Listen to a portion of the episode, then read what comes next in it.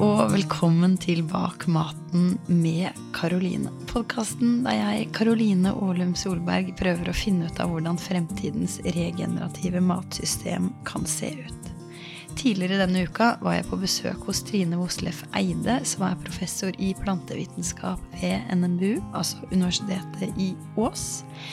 Og eh, siden da så har jeg blitt skikkelig, skikkelig hes. Så jeg skal prøve å holde denne introen så kort som mulig. Trine har vært med å bygge opp Norges første mastergrad i urbant landbruk, som går for første gang den høsten her. Og jeg har tatt turen til henne for å snakke om hva urbant landbruk er, og hvorfor det er skikkelig mange fordeler ved å dyrke mat også bynært. Episoden er sponset av økologisk.no. Og husk at du finner meg og podkasten på Instagram, og at du kan sende meg en mail på karoline.bakmaten.no. God lytt! Hei, Trine. Hei, Karoline. Jeg bruker jo å si velkommen, eh, velkommen hit på podkasten, men eh, nå sitter jo jeg i, i hagen din. Da får jeg si velkommen til deg, da. Tusen hjertelig. Du er jo professor i eh, plantevitenskap, og det er jo på mange måter planter det skal handle om i dag, for vi skal snakke om urbant eh, landbruk. Men kan ikke du begynne med å fortelle litt hvorfor du er så opptatt av planter?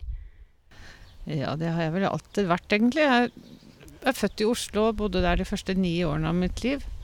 Så jeg begynte å dyrke planter i verandakass i sjette etasje. Så du begynte egentlig med urbant landbruk? Som fireåring. oi, oi, oi. ja. Jeg begynte med urbant landbruk, jeg. Mm. Mm. Da har du jo kommet over til urbant landbruk, som vi skal snakke om. Hva er det for noe? Ja, det er så mangt. Eh, og det, det, er veldig mange som ikke helt fatter hvor bredt og vidt eh, det er. Det, det, kan være alt fra det å dyrke krydder Altså ikke bare å ha krydder fra butikken i en sånn plastpose på kjøkkenbenken, men virkelig dyrke det på kjøkkenbenken. Eller salat eller hva som helst. Til at man dyrker på balkongen, som vi var inne på. Helt eh, og til eh, hager og parseller og andelsjordbruk eh, og, og vi har kolonihager, og det er mange Og det å dyrke parker, at det blir mer nyttevekster i parkene enn bare pryd. Til noe, noe, som kanskje folk ikke tenker på i det hele tatt, nemlig at man kan utnytte byen til å dyrke på tak.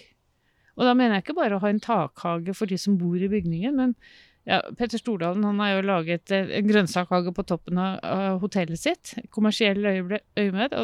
Som han går, bruker i restauranten sin? Ja, mm. ja ikke sant. Så det, det, er jo det er en kommersiell sak. Og, og det dyrkes jo uh, kryddervekster og salat i, i uh, tilfluktsrom i Oslo og sånn. Men det, det går an å rett og slett planlegge bygg med veksthus på toppen. Og det har blitt denne store greia ute i verden, og de, de jobber med det i, i Norge også. Så, så, det er alt fra amatørdyrking til, til eh, kommersiell dyrking. Og så er det ikke bare dyrking heller. For når vi snakker om urbant landbruk Vi har jo akkurat eh, eh Vi er i gang med å starte en, en master i urbant landbruk, og da tenker vi hele det sirkulære systemet. Alt fra det å ta vare på organisk avfall fra husholdningen, både fra toaletter og fra kjøkken. Ta det inn i biogassreaktorer og lage energi. Og brenne den energien, og så får man CO2 som, som et, et, utslipp da, som man kan kanalisere inn i veksthus, som planter kan nyttiggjøre seg. For de vokser bedre når de får CO2, så da kan de ta opp den CO2-en som man Istedenfor å slippe det ut? Istedenfor å slippe det ut, ja. Så vi, ha, vi, holder på å bygge et demonstrasjonsveksthus nå uten luftlukers for å ta mest mulig vare på CO2-en. Så i det veksthuset skal vi da dyrke mat igjen, ikke sant? sånn at det blir en, en, en, sirkel, en sirkulær økonomi i praksis. Mm -hmm. Ja. Eh, så vi tenker at, at eh, alle de avfallsstoffene som vi kvitter oss med i dyre dommer, de er altfor verdifulle til å gå til kloakkrenseanlegg. Vi utfordrer norske myndigheter på å se på om ikke dette er ressurser vi burde faktisk ta vare på og bruke. Mm. Og vi har med veterinærer og kjemikere som skal analysere både komposten og, og um, produktene. For å, for å, se om de er trygge å bruke. Urbant landbruk kan jo også kalles bynært eh, landbruk, og som du beskriver her, så, så handler det jo om å, å dyrke i eh, byer eller der hvor det er veldig tett med mennesker. Og du har jo litt beskrevet det her eh, litt sånn store bildet hvorfor man skal eh, dyrke i byer. Men, men, hva tenker du det gir til, til eh, menneskene som bor der? For vi, vi, lever jo i en verden hvor vi er veldig avkobla den her matproduksjonen vår, da. Ja, jeg tenker at uh, vi, vi, ser en trend over hele verden uh, hvor folk er opptatt uh, av maten. De er opptatt av nye oppskrifter. De er opptatt av hvor maten kommer fra. og det å dyrke maten selv blir jo liksom det ultimate på, på det, da. og vi, vi, så det før vi fikk koronapandemien. Men da tok det jo helt av. Eh, men den trenden var der, var der før. Og, og, vi tenker jo at eh, det å ha kunnskap om å dyrke mat, eh, og evnen til å bruke de arealene som fins, er en beredskap. Og det har jeg også sagt før koronapandemien kom. At, at det, er, det, er, en trygghet til å vite, å vite hvor, hvor, man kan gjøre det, og hvordan man kan gjøre det. Og så er det et aspekt med det at vi mennesker, vi er en del av naturen. Eh, og det å se grønt er veldig beroligende på oss. Altså se på planter. Ja. Mm. Eh, eh, på universitetet når vi har muntlig eksamen, så pleier vi å ha grønn duk på bordet. Og det er ikke tilfeldig. Det er for å berolige kandidatene, for det er beroligende. Og det er mye forskning som viser det. Og det, det eksempel hvis folk ligger på sykehus og ligger i en seng ved siden av vinduet og kan se ut på grønne trær, så kommer de seg raskere. Hm. Det er fascinerende. Det er veldig fascinerende. Jeg ja. husker da jeg, da jeg studerte på, på, NMBU, så pleide jeg alltid å plukke med meg på våren, da, eh, forglemma jeg å legge på pulten min under eksamen, men jeg tenkte ikke noe mer over det. Men det er jo kanskje en sånn, sånn dypt instinkt i meg å ville ha med, ha med, noe grønt og ha med noen ja. planter, da. Ja. Uh, jeg husker tilbake da jeg hadde et vikariat i Miljøverndepartementet og kom på kontoret mitt første dagen og så rett inn i en murvegg på andre siden av gaten. Og så tenkte jeg, hva er det for noe Jeg har jo jobbet her på, på Ås og alltid hatt grønt å se på ut av vinduet, ikke sant. Uh, og så tenkte jeg jeg savner grønt. Så sprang jeg ut i en butikk og så fylte jeg hele det vinduet med, med grønne og blomstrende planter. Og så kjente jeg hvordan skuldrene bare liksom, falt på plass. Og, ja, ja, her kan jeg jobbe et år. Mm. Du har jo kommet, eh, kommet litt inn på det her med tverrfaglighet. Men jeg vet jo du har gått fra å, å bare eh, i anførselstegn være en professor i, i plantevitenskap til å jobbe um, mye mer tverrfaglig, da, når du på en måte trer inn i det her med, med urbant landbruk. Kan du si noe om uh, det skiftet, liksom? Hvordan har det vært? Det har ikke vært så vanskelig, for jeg, jeg har alltid vært samfunnsengasjert. Jeg har vært lokalpolitiker og regionalpolitiker, så jeg har vært opptatt av samfunnet rundt oss. Og så har jeg vært eh, prorektor i fire år på UMB, den gangen det het det. Eh, og da fikk jeg veldig god oversikt over hva som fantes av eh, fantastisk kompetanse. Uh, så da vi skulle begynne å, å, se på dette med urbant landbruk, så så skjønte vi etter hvert at her må vi involvere alle. Så vi har laget et nasjonalt senter for urbant landbruk. Eh, og det har vi gjort for å plante flagget. Og si det at her på Ås så kan vi landbruk. Også urbant landbruk. Mm.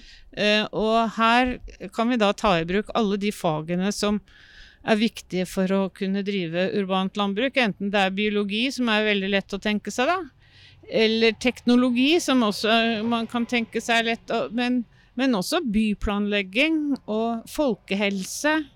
Eh, økonomi. Eh, og ja, jeg nevnte jo kjemi eh, og veterinærkunnskap. Alt dette her har med matsikkerhet og mattrygghet å gjøre. Så, så det ikke, og det er ikke vanskelig å få med folk heller, skjønner du. Fordi alle jeg har kontaktet om dette, og vi har jo blitt en ganske sammensveiset gjeng etter hvert, eh, når vi har jobbet med, med både Nasjonale sentre og den nye masteren, eh, syns det er veldig moro å lære om hverandres fag. Og se hva vi kan få til i fellesskap. Mm. Hva tenker du fordelene er med å, med å, jobbe sånn tverrfaglig? Mye av det på en måte jeg eh, er ute etter i den podkasten her, da, er den derre eh, å bevege oss vekk fra den stykkevis og delt-tankegangen over i en mer helhetlig tankegang. For jeg tror det, jeg, jeg tror det er fremtiden, da. Eh, kan du si litt om hvordan, hvordan du har opplevd det? Ja, det, jeg tror du har helt rett i det. For alt henger sammen med alt. Eh, og, og, planter vokser i jord, og jord trenger gjødsel, og jord kommer fra stein. Og, og, planter står i en atmosfære, og de eh, holder på med fotosyntese, som, som, bringer oss både mat og oksygen, som vi kan puste i. Og så puster vi ut CO2 igjen, som plantene kan bruke. Så, så, det er et, et sånt utrolig samstemt eh, kretsløp. Uh, og, og, så, og, så, er det det med velvære vi har ved å, å, være en del av naturen, som jeg var inne på. Så det er, det er så mangefasettert uh, og givende. Jeg kan nesten ikke tenke meg et liv uten at jeg skulle holde på med planter. Mm. Det er ikke bare velferd, det er grunnlaget for hele vår tilværelse. Mm. Ja, alt mat kommer jo fra planter. Ja. Mm. Altså selv, selv, kjøttet som vi noen av oss spiser. Mm. jo, de, ha, de, skal jo ha fôr, og de spiser planter, ikke sant. Kyrne spiser gress, det kan ikke vi gjøre, og så spiser vi kjøttet og får melk og ja. Mm. Jeg har lyst til å snakke enda litt mer om, om hvilke roller urbant landbruk kan ha eh, i et samfunn. Um, og har lyst til å gå litt igjennom noen punkter. Eh, og tenker at du kan si litt om hver, hvert punkt. Ja. Um, jeg har lyst til å begynne med, med, integrering. Kan du si litt om det? Ja, Det var morsomt at du begynte med det, for det var det første jeg tenkte på også. Um, for det vi ser Jeg er med i et EU-prosjekt i urbant landbruk. Og i Århus så har de hatt en, et et prosjekt der de har eh, ansatt noen slags bygartnere eh, for å hjelpe folk å komme i gang med dyrking rundt omkring i parker og parsellhager osv. Og, så sånn. og noe av det første de, som slo dem, det var at de som var aller mest ivrige, det var eh, deres nye landsmenn. Og de kom både med en kunnskap om landbruk som mange dansker har blitt for fjerne fra, og en, en kompetanse på andre vekster. Og det, de så det at det at de da jobbet sammen med danskene i, side om side og, og, sammen, det førte til utveksling av både plantemateriale, frø, oppskrifter, og det ble liksom De begynte å lage mat sammen, og det ble en utrolig flott eh, integrering, da. Fordi man hadde den felles lidenskapen rundt det å dyrke og det å lage mat. Um, en arena for samspill og samvær, ja, egentlig. Ja, ja. Og det hadde ikke de som hadde startet dette prosjektet, tenkt på. Så det kom som en stor overraskelse på dem. Mm. Mm. Du var jo inne på, på beredskap og matsikkerhet i stad, men vil du si litt mer rundt det? Ja, jeg tenker det at um, vi, vi, tror jo det at vi har så mye mat, og vi, jo ikke, vi sulter jo ikke i Norge, og det er eh, fri Vi kan gå i butikken og kjøpe det vi trenger. Men vi er jo ikke selvforsynte på noen måte. Eh, vi ser jo det at landet vårt er jo Det er jo en utfordring i forhold til klima å kunne produsere alt mulig. Og eh, vi ser også at flere og flere bor i by, også ved verdensbasis, eh, så er det flere og flere som bor i by.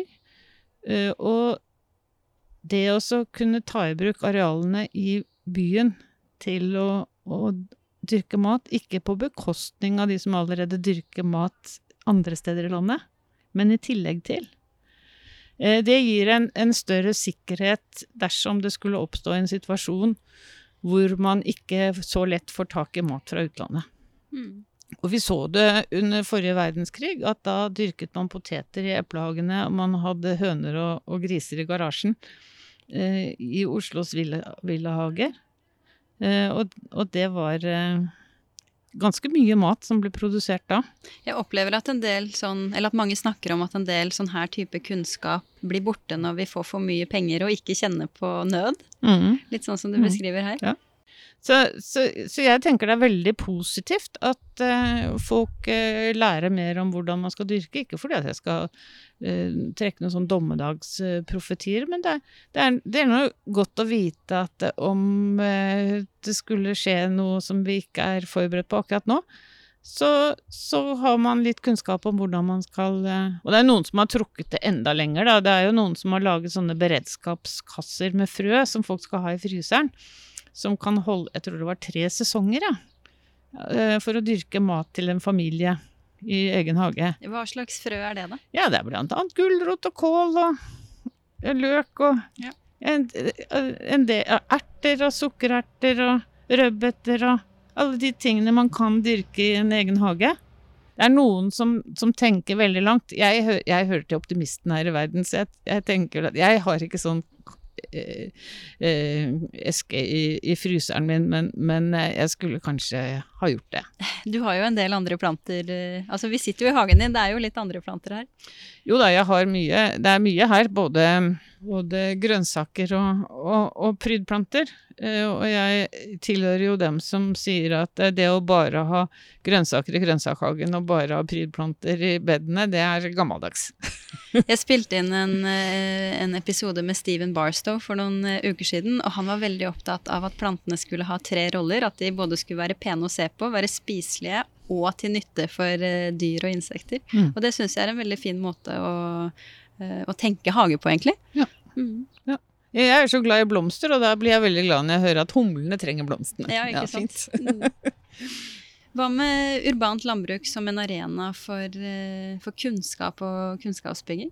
Jeg tenker at uh, det at man jobber med planter og dyrker det selv og ser hvor mye innsats som skal til for å få et produkt, og at det kanskje ikke blir helt perfekt heller, men at det smaker kanskje enda bedre likevel. Ja. At det, det er en, en, god formidling til eh, folk som har fjernet seg fra, fra landbruket og bønder og gartnere, eh, at, eh, at man kanskje får en større respekt for de som produserer maten. Eh, jeg syns det er interessant å se når bøndene aksjonerte i år, så sa de at de opplevde en annen holdning når de kom kjørende med traktorene sine, enn de har hatt sett før. De sa at, at folk viste en annen finger enn de gjorde, har gjort tidligere. da tipper jeg det var finger opp. Ja, det var tommel opp. Og ikke den i midten. ja, nemlig. Eh, og det syns jeg er veldig interessant, for jeg tror kanskje at det er flere som har fått øynene opp for at eh, det er ikke automatikk i alt mulig i samfunnet vårt, og, og det å ha mat er noe Det er jo det grunnleggende. Da, da det utviklet sivilisasjoner rundt eh, jordbruk, så, så, var det først da de hadde nok eh, arbeidskraft eh, til å produsere nok mat, uten at alle burde være engasjert i det. At, at de kunne begynne med, med kunst og kultur og, og, utvikling av religion og, og bygge gudshus og alle de hva skal man si, litt mer luksuriøse sysslene, da. Som kommer etter at man har fått dekket primærbehovet sitt, nemlig mat. Mm. Ja, jeg har hørt, uh, hørt, noe av det samme, og at det, det er også derfor det er så stor forskjell på, på, hvor mye tidlig kunst og arkitektur det finnes i de ulike delene av verden. Fordi mm. noen, uh, noen, steder så hadde de tilgang på matplanter som var veldig lette å produsere og krevde mindre, mens andre steder så krevde de mer. Mm. Har du noen eksempler på, på det? Altså, jeg har et eksempel på Det er um, et, et sted i Irland nord for Dublin. Det heter Newgrange. Uh, og det ble bygget for 5000 år siden. I en dal som var veldig, veldig rikt jordbruksland. Ja, de har laget et monument med en inngang som uh, De tror det er et alter. Og inngangen er lavere enn alteret. Sånn at det er bare én gang i året at solen er lav nok, nemlig ved vintersolverv, til at, at den skinner inn denne gangen inn mot det alteret. Og der skinner den i syv-åtte minutter, og så er det over for i år. ikke sant? Og de, den er dekket med, med, hvite steiner som ikke er lokale. Det har de hentet langt sør i Irland, så de har, de har fraktet disse steinene med båt, sannsynligvis. Eh, og så det må ha vært en enorm innsats. Eh, og der tror man at grunnen til at dette skjedde for 5000 år siden, var at da først var de kommet At de bodde et sted hvor det var så rikt jordbruksland at ikke alle burde være, måtte være engasjert i å dyrke maten. Mm. Hva med urbant landbruk for, eh, for klima og miljø og, og den pakka? Jo, det å, å eh, resirkulere og lage en sirkulær økonomi av eh, de ressursene vi har. Jeg, jeg, tilhører jo dem som sier at jeg snakker ikke om avfall, jeg snakker om ressurser på avveie. Ja. Eh, og for eksempel eh, fosforreservene i verden er eh, begrenset. Og det er veldig mye fosfor vi slipper til kloakkrenseanleggene våre. Og fosfor er helt essensielt for plantevekst. Ja, vi kommer ikke utenom å tilføre fos fosfor. Så det er ikke veldig mange tiår før vi får knapphet på det. Så en eller annen gang må vi snu skuta og si det at dette kan vi ikke bare la fortsette slik som vi gjør det nå. Vi må ta vare på de ressursene. Og, og det og og det å da lage det, det kretsløpet, som også lager kretsløpet av, eh, av CO2 og det, det, biologiske materialet, det er jo helt avgjørende for at vi ikke skal eh, fortsette å varme opp kloden.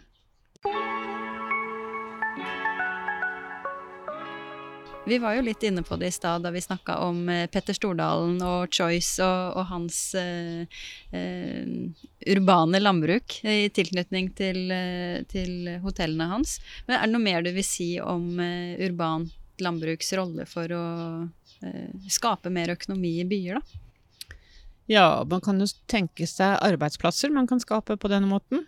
Og da kan jeg gjerne ta eksempler som vi ikke har snakket opp enda. Eh, og det er f.eks. det å ha grønne vegger. Kle bygninger med, med planter. Eh, og det Jeg husker eh, første gangen jeg så en grønn vegg i London, og vi fikk vite at vi skulle, se på, vi skulle gå og se på noe som hadde med flomsikring i London å gjøre. Eh, og at, med, med, at vi skulle se på en grønn vegg. Og så forsto jeg ikke hva har det med flomsikring i London. Jeg tenkte på Themsen, og den skulle oversvømmes. Og liksom, jeg hadde ikke fantasi til å se hva det var i det hele tatt. Eh, og det vi fikk se da, det var jo et, en, en, et hotell med en veldig svær vegg, eh, hvor, som de hadde dekket med eh, planter i et eh, system som ble vannet av regnvannet fra taket på det store hotellet, for det hadde jo en stor nedslagsfelt. Eh, og det var jo redd i flomsikring og vannfordrøyning eh, fordi vi har fått mye mer styrtregn i Europa enn det vi hadde før. Det, I byene så er det såpass mye asfalt og, og harde flater at når styrtregnet kommer, så blir det flom. Det er ikke noe til å ta det opp? Nei, det er ikke noe sted. Det, det, det vannet søker bare nedover og nedover og nedover, og så kommer du ut i gatene. Og det, det, er ikke noe sted de kan, kan uh, forsvinne. Så det å ta, ta, vare på vannet på tak, og lede det til vegger, og det å ha, ha uh, strukturer på tak som, hvor man kan dyrke og tar opp vannet direkte, uh, det har stor betydning for flomsikring i byer. Og da og du spurte om økonomi, og så svarer jeg noe helt annet. Men det som også slo meg da når jeg så på den planteveggen, det er at her har vi jo eh, arbeidsplasser for folk som kan grønt. Så både de som profesjonelt dyrker og selger produktene sine, og de som profesjonelt steller urbant landbruk, kan jo da få en økonomi ut av, av dette, da. Mm. Mm. Jeg var jo faktisk eh, med deg på den turen. Det var en, eh, en studietur fra, med plantevitenskapsstudenter på, på, universitetet. Men eh, en annen ting med den planteveggen som er interessant å trekke fram, er jo det her med støydemping, som han, som han også prata om. For det, det er mye bråk når man bor i en by som man kanskje ikke engang tenker over. Støydemping er én ting. Jeg er veldig glad for at du tar opp det. For det han fortalte, det var jo det at da de holdt på å montere denne veggen den sommeren. Vi var jo der i september, og de hadde satt opp i, på forsommeren. Eh, da, da, hadde de eh, hørselvern i starten, for det var jo en svær byggeplass ved siden av, og så var det et veldig trafikkert kryss. Dette her var rett ved Victoria Station og Buckingham Palace midt i London. Det var veldig mye støy. Og det han fortalte, det var at når de var kommet halvveis opp i veggen, så kunne de oppdage de som monterte plantene, at de trengte ikke hørselvern lenger. For den halve planteveggen, den dempet støyen såpass at det var helt unødvendig. Eh, og støyforurensning er jo et stort problem i, i byer. Så, så, det å ha grønne vegger, eh, det bidrar jo til å, å dempe støy noe helt enormt. Og så er det en ting til det bidrar til. Det bidrar til å, å binde støv. Eh, og når det regner, så, så blir jo det støvet vasket av, og så, og så er de plantene rene og klare til neste runde. Eh, og så er det enda en ting til. Eh, og jeg har sett på Vet ikke om du har sett på Montys hageverden på, på, på TV? Han, det er en, en, en britisk eh, hageentusiast og, og, og gartner som har hageprogram, og han er fantastisk. Jeg kan bare reklamere for det. Det er fantastiske programmer. Han hadde et program hvor han snakket om at de i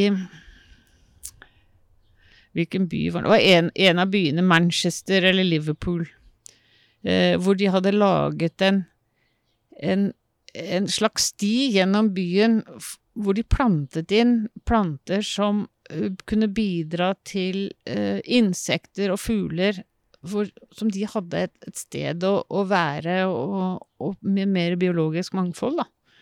Eh, og det sa de også den vegg, for den veggen i, i London, at de hadde valgt blomstrende planter jeg husker på Blant annet var det jordbær. Og det var ikke meningen at de jordbærene skulle plukkes opp i den veggen, men de skulle blomstre og, og gi, gi, muligheter for pollinerende insekter og, og ha et, et refugeareal, som det heter. Og det han sa, han eh, Monty, da, det var det at de gjennom denne storbyen så hadde de da passet på at det ikke var, aldri var lengre avstand enn en, en viss Altså at, at, insektene kunne fly til neste sted. Ja, ikke sant. Ja. Mm. Gjennom, eh, gjennom denne, denne podkasten så syns jeg det er interessant å, å høre at eh, alle disse aspektene jeg tenker vi bør ta med oss inn i, i, fremtidens matsystem, alle handler på en eller annen måte å gå tilbake til naturen. Da, og at vi mennesker har eh, eh jobba så hardt for å liksom skape oss en verden uten at naturen skal, skal, trenge inn. Og så handler det egentlig om å, å anerkjenne at vi er en del av den. Da. Det har du helt rett i. Du har jo jobba veldig mye internasjonalt, bl.a. I, uh, i Afrika. Er det noe Har du noen tanker om, uh, om ting vi kan liksom ta med oss fra den store verden og internasjonalt inn i urbant landbruk her i Norge? Ja, Det er morsomt at du nevner det. Det, det er nesten så vi skulle ha snakket om alt dette her på forhånd. og det har vi altså ikke. Du vet ikke engang hva jeg skal spørre om, for du Nei, ville ta det på sparket. ja, jeg syns dette er morsomt. Jeg har bodd i Afrika da jeg var tenåring, i Nairobi. Eh, og noe av det jeg la merke til da allerede som 14-15-åring, var jo det at der dyrket de overalt. Hvis det var en grøftekant hvor det var plass til å, å dyrke noen bønner og noe mais, eller en planteskole for, for uh, å, å, selge planter, så gjorde de det. Og det gjør de fortsatt. Alle de gangene jeg kommer tilbake til Afrika, så slår det meg det at det, selv i de største byene så dyrker de alle steder Hvor det er en jordflekk, så dyrker de, selv om ikke det er deres jord. Og så blir de Så til slutt så er det kanskje noe annet som skal skje der, og så blir de jaget derfra, og så går de til neste grøftekant, liksom. Eh, og det man ser, er jo det at i dag så bor 50% av verdens befolkning i byer. Eh, og i 2050 så er det predikert at eh, 70% av verdens befolkning vil bo i byer. Og noen må jo produsere maten til de 70% som bor i byer. På en måte så er det, det er helt selvfølgelig for meg at vi er nødt til å ta i bruk alle de arealene vi kan, også i byene. Og all den kompetansen vi kan, også i byene. Fordi vi kan ikke fortsette å øke jordbruksarealene. De minker jo heller. Fordi vi gjør andre ting med gode jordbruksarealer, og det burde jo ikke gjøre, parentes bemerket, men det er nå så. Det er en del av utviklinga. Vi må ta i bruk alle de arealene vi har, eh, fordi eh, vi kan ikke utvide jordbruksarealene fordi vi også trenger å ha naturområder der planter og dyr og insekter og mikroorganismer og alt liv kan leve i sitt naturlige område. Vi kan ikke ha eh, jordbruk overalt. Vi kan ikke fortsette den trenden? Nei, vi kan jo ikke det. Så da må vi være mer effektive på de arealene vi har. Eh, og vi må ta i bruk arealer som vi også har i byene. Når du, når du fortalte hva som er eh, predikert for eh, fremtiden i forhold til hvor mange som kommer til å, å, å bo i byer, så, så syns jeg jo det er litt jeg vet ikke om jeg skal kalle det litt skummelt, men det, det er jo en, en, del av meg som håper at uh, det vi har opplevd under korona nå, og, og mulighetene som har åpna seg i forhold til dette med hjemmekontor, kanskje kan, kan, være med å snu den trenden at folk ser at man er ikke nødt til å bo i byer for å jobbe, da. Ja, det, det ser vi jo i Norge. At, eh, og det tror jeg godt kan skje i den vestlige verden. Men jeg tror at i store deler av verden så er det fortsatt slik det, det regnes som det ypperste å kunne få lov å reise til byen og få ta på seg hvit skjorte og slips. Mm. Um, og om du får jobb eller ikke, er ikke Men lykken skal liksom være i byen, da. Mm. Uh, og jeg vet ikke om de klarer å skape seg den, de arbeidsplassene på landet. Men vi ser jo helt klart i Norge at folk flytter ut av Oslo. Jeg har sett det nå i løpet av det siste året. Og at, at folk Hva var det de sa, sto i Aftenposten i dag? At 70 gjerne ville fortsette å ha hjemmekontor. Jeg tror ikke hele, hele tiden, men i hvert fall et par dager i uken. Ja, ha mm. muligheten. Mm. Det gir jo en enorm frihet. Det gjør det. Som jeg tror kommer til å påvirke livskvaliteten på en måte vi kanskje ikke har turt å drømme om engang tidligere. Ja. Det, jeg, jeg tror jeg tror aldri vi kommer tilbake til helt sånn som det var. Eh, og det tror jeg kanskje er bra. Så får vi ta det beste da, av to verdener. Mm. Prøve å, å, skape Men urbant landbruk, det er ikke bare i by det foregår heller. Nei, og for alle de Det var neste jeg skulle, skulle, ta oss til. For alle de som eh, flytter ut av byen, eller bor i by for den saks skyld, men som har lyst til å, å dyrke litt selv. For nå har vi jo på en måte holdt oss i veldig det eh, litt sånn overordna perspektivet. Men jeg, mm. jeg lurer på om, eh, om, du har liksom noen, noen, tips til de som bare kjenner at åh, oh, dette høres bra ut, jeg har lyst til å være med og bidra. Ja, da Altså, enten du, enten du bor i leilighet eh, med bare en balkong, eller du er så heldig at du bor i leilighet og har en takterrasse, eh, eller du er så heldig at du bor i rekkehus og har en hageflekk, eller en enebolig og har en hageflekk, så, så kan du dyrke ganske mye. Du kan faktisk ha frukttrær på balkongen i, i krukker. Det er faktisk ingen grense for hva man kan dyrke i krukker, bare de er store nok. Mm. Um, en ting som, eh, som er en, en, stor utfordring uh, når det gjelder urbant landbruk, sånn jeg ser det, er bruk av torvjord. Kan du si litt om hvorfor uh, Eller hva som er liksom forskjellen på torvjord og, og kompostjord? Altså, uh, torvjord er ta, hentet ut fra torvmyrer. Og når vi tar torv fra torvmyrer, så frigjør vi CO2 direkte. Eh, og så påvirker vi det biologiske mangfoldet, de insektene og fuglene og dyrene som, som bor der. Eh, og det er faktisk enorme mengder med torv vi bruker i Norge. Og, og jeg har satt meg som mål at jeg skal prøve å påvirke den delen av torvforbruket som går til private hager. Og det er to femtedeler av all, eh, all torv som, som, brukes i Norge, går til private hager. Og det er jeg, jeg, kan forstå at kommersielle aktører gjerne vil bruke torv fordi det er et, eh, et velkjent medium som de behersker. De, de, har, de, de kan vanningen, de kan gjødslingen, og de, vet akkurat hvordan de skal bruke det. Mens kompost kan være litt mer variabel. Og, og, litt mer krevende for en yrkesstyrker å skulle vite akkurat hvordan de skal gjøre det for å optimalisere alt. Mens, mens, for oss som dyrker i private hager, så er det jo ikke nødvendig at man skal optimalisere alt og vite akkurat hvordan denne, dette vekstmediet oppfører seg. Og det vi ser når vi tester ut eh, og sammenligner med torv, det er at komposten kommer bedre ut. Så det er egentlig ikke nødvendig heller å ha det i private hager? Helt unødvendig. Du vil ha du vil ha mer glede av å ha kompost som ikke blir så fort omdannet til Altså, og synker sammen. Man har sikkert lagt merke til det at, eh, at når man dyrker opp hallekarmer, så plutselig så Fra år til år så forsvinner jorda, på en måte. Så, så kompost er eh, den, den har større bufferevne. Den har større innhold av mikroorganismer som bidrar til at næringsstoffene blir lettere tatt opp av plantene. Eh, og den, den, den frigjør næringsstoffer sakte, men sikkert, sånn at du ikke må være fullt så nøye med å hele tiden ha optimal gjødsling. Så det er mye lettere. Så, så gå i hagesenteret og be om å få eh, kompostjord. Eh, og jeg vil jo jeg, Vi har jo kompostbinge.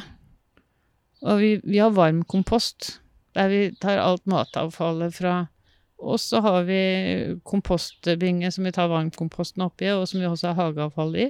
Og jeg sier jeg vil ikke finne på å gi fra meg de ressursene og legge det i søpla. Nei, ikke sant. For da får du ny jord. Ja, får jeg ny jord. Ja. Vi begynner å måtte gå inn for landing, men jeg har noen eh, sånn faste avslutningsspørsmål. Altså I den podkasten her så er jeg på jakt etter et eh, regenerativt matsystem. Og så lurer jeg på hvordan, hvis du på en måte kunne ønske deg helt fritt, hvordan ser et regenerativt matsystem ut for deg? Eh, ja, jeg tenker at eh, et eh, regenerativt eh, matsystem betyr at det fornyer seg. Og at man tar vare på de ressursene som, som ligger der, og gjenbruker dem. Eh, Og da betyr det jo at man eh, tar vare på det avfallet som man får av biologisk materiale, legger det inn i, i et eh, eh, i et system der man lager både dyrkingsjord og gjødselstoffer som man kan eh, bruke inn for å, å dyrke maten igjen. Og, og at, man, at man da så spiser man den maten, og så går det tilbake, og så går det i et, et kretsløp. Og for å, for å oppsummere litt det vi har, uh, har snakka om i dag, hvilken rolle har urbant landbruk i dette regenerative matsystemet? Det er en veldig viktig del av uh, dette systemet når man tenker på hvor mange mennesker som bor i by. Og, hvor, og urbane områder. Jeg regner faktisk eh, Ås som også et slags urban altså, Det er jo ikke alle som er bønder, selv om vi bor her ute på det Oslo-folk kaller landet. Så, så det å, å, å bidra til å bruke de ressursene som man eh, lager selv, og, og inn i et kretsløp Hvis alle gjorde det, så, så ville man jo få et mer bærekraftig samfunn. Hvis, hvis alle hadde solceller på taket og produserte så mye strøm de kunne selv, så slapp vi å bygge ut så mange vindmølleparker og, og bygge ned så mange fosser og eh, lage gasskraftverk og hva vi holder på med. Mm. Så det, det, har, har noe med hvis alle gjør sin lille bit.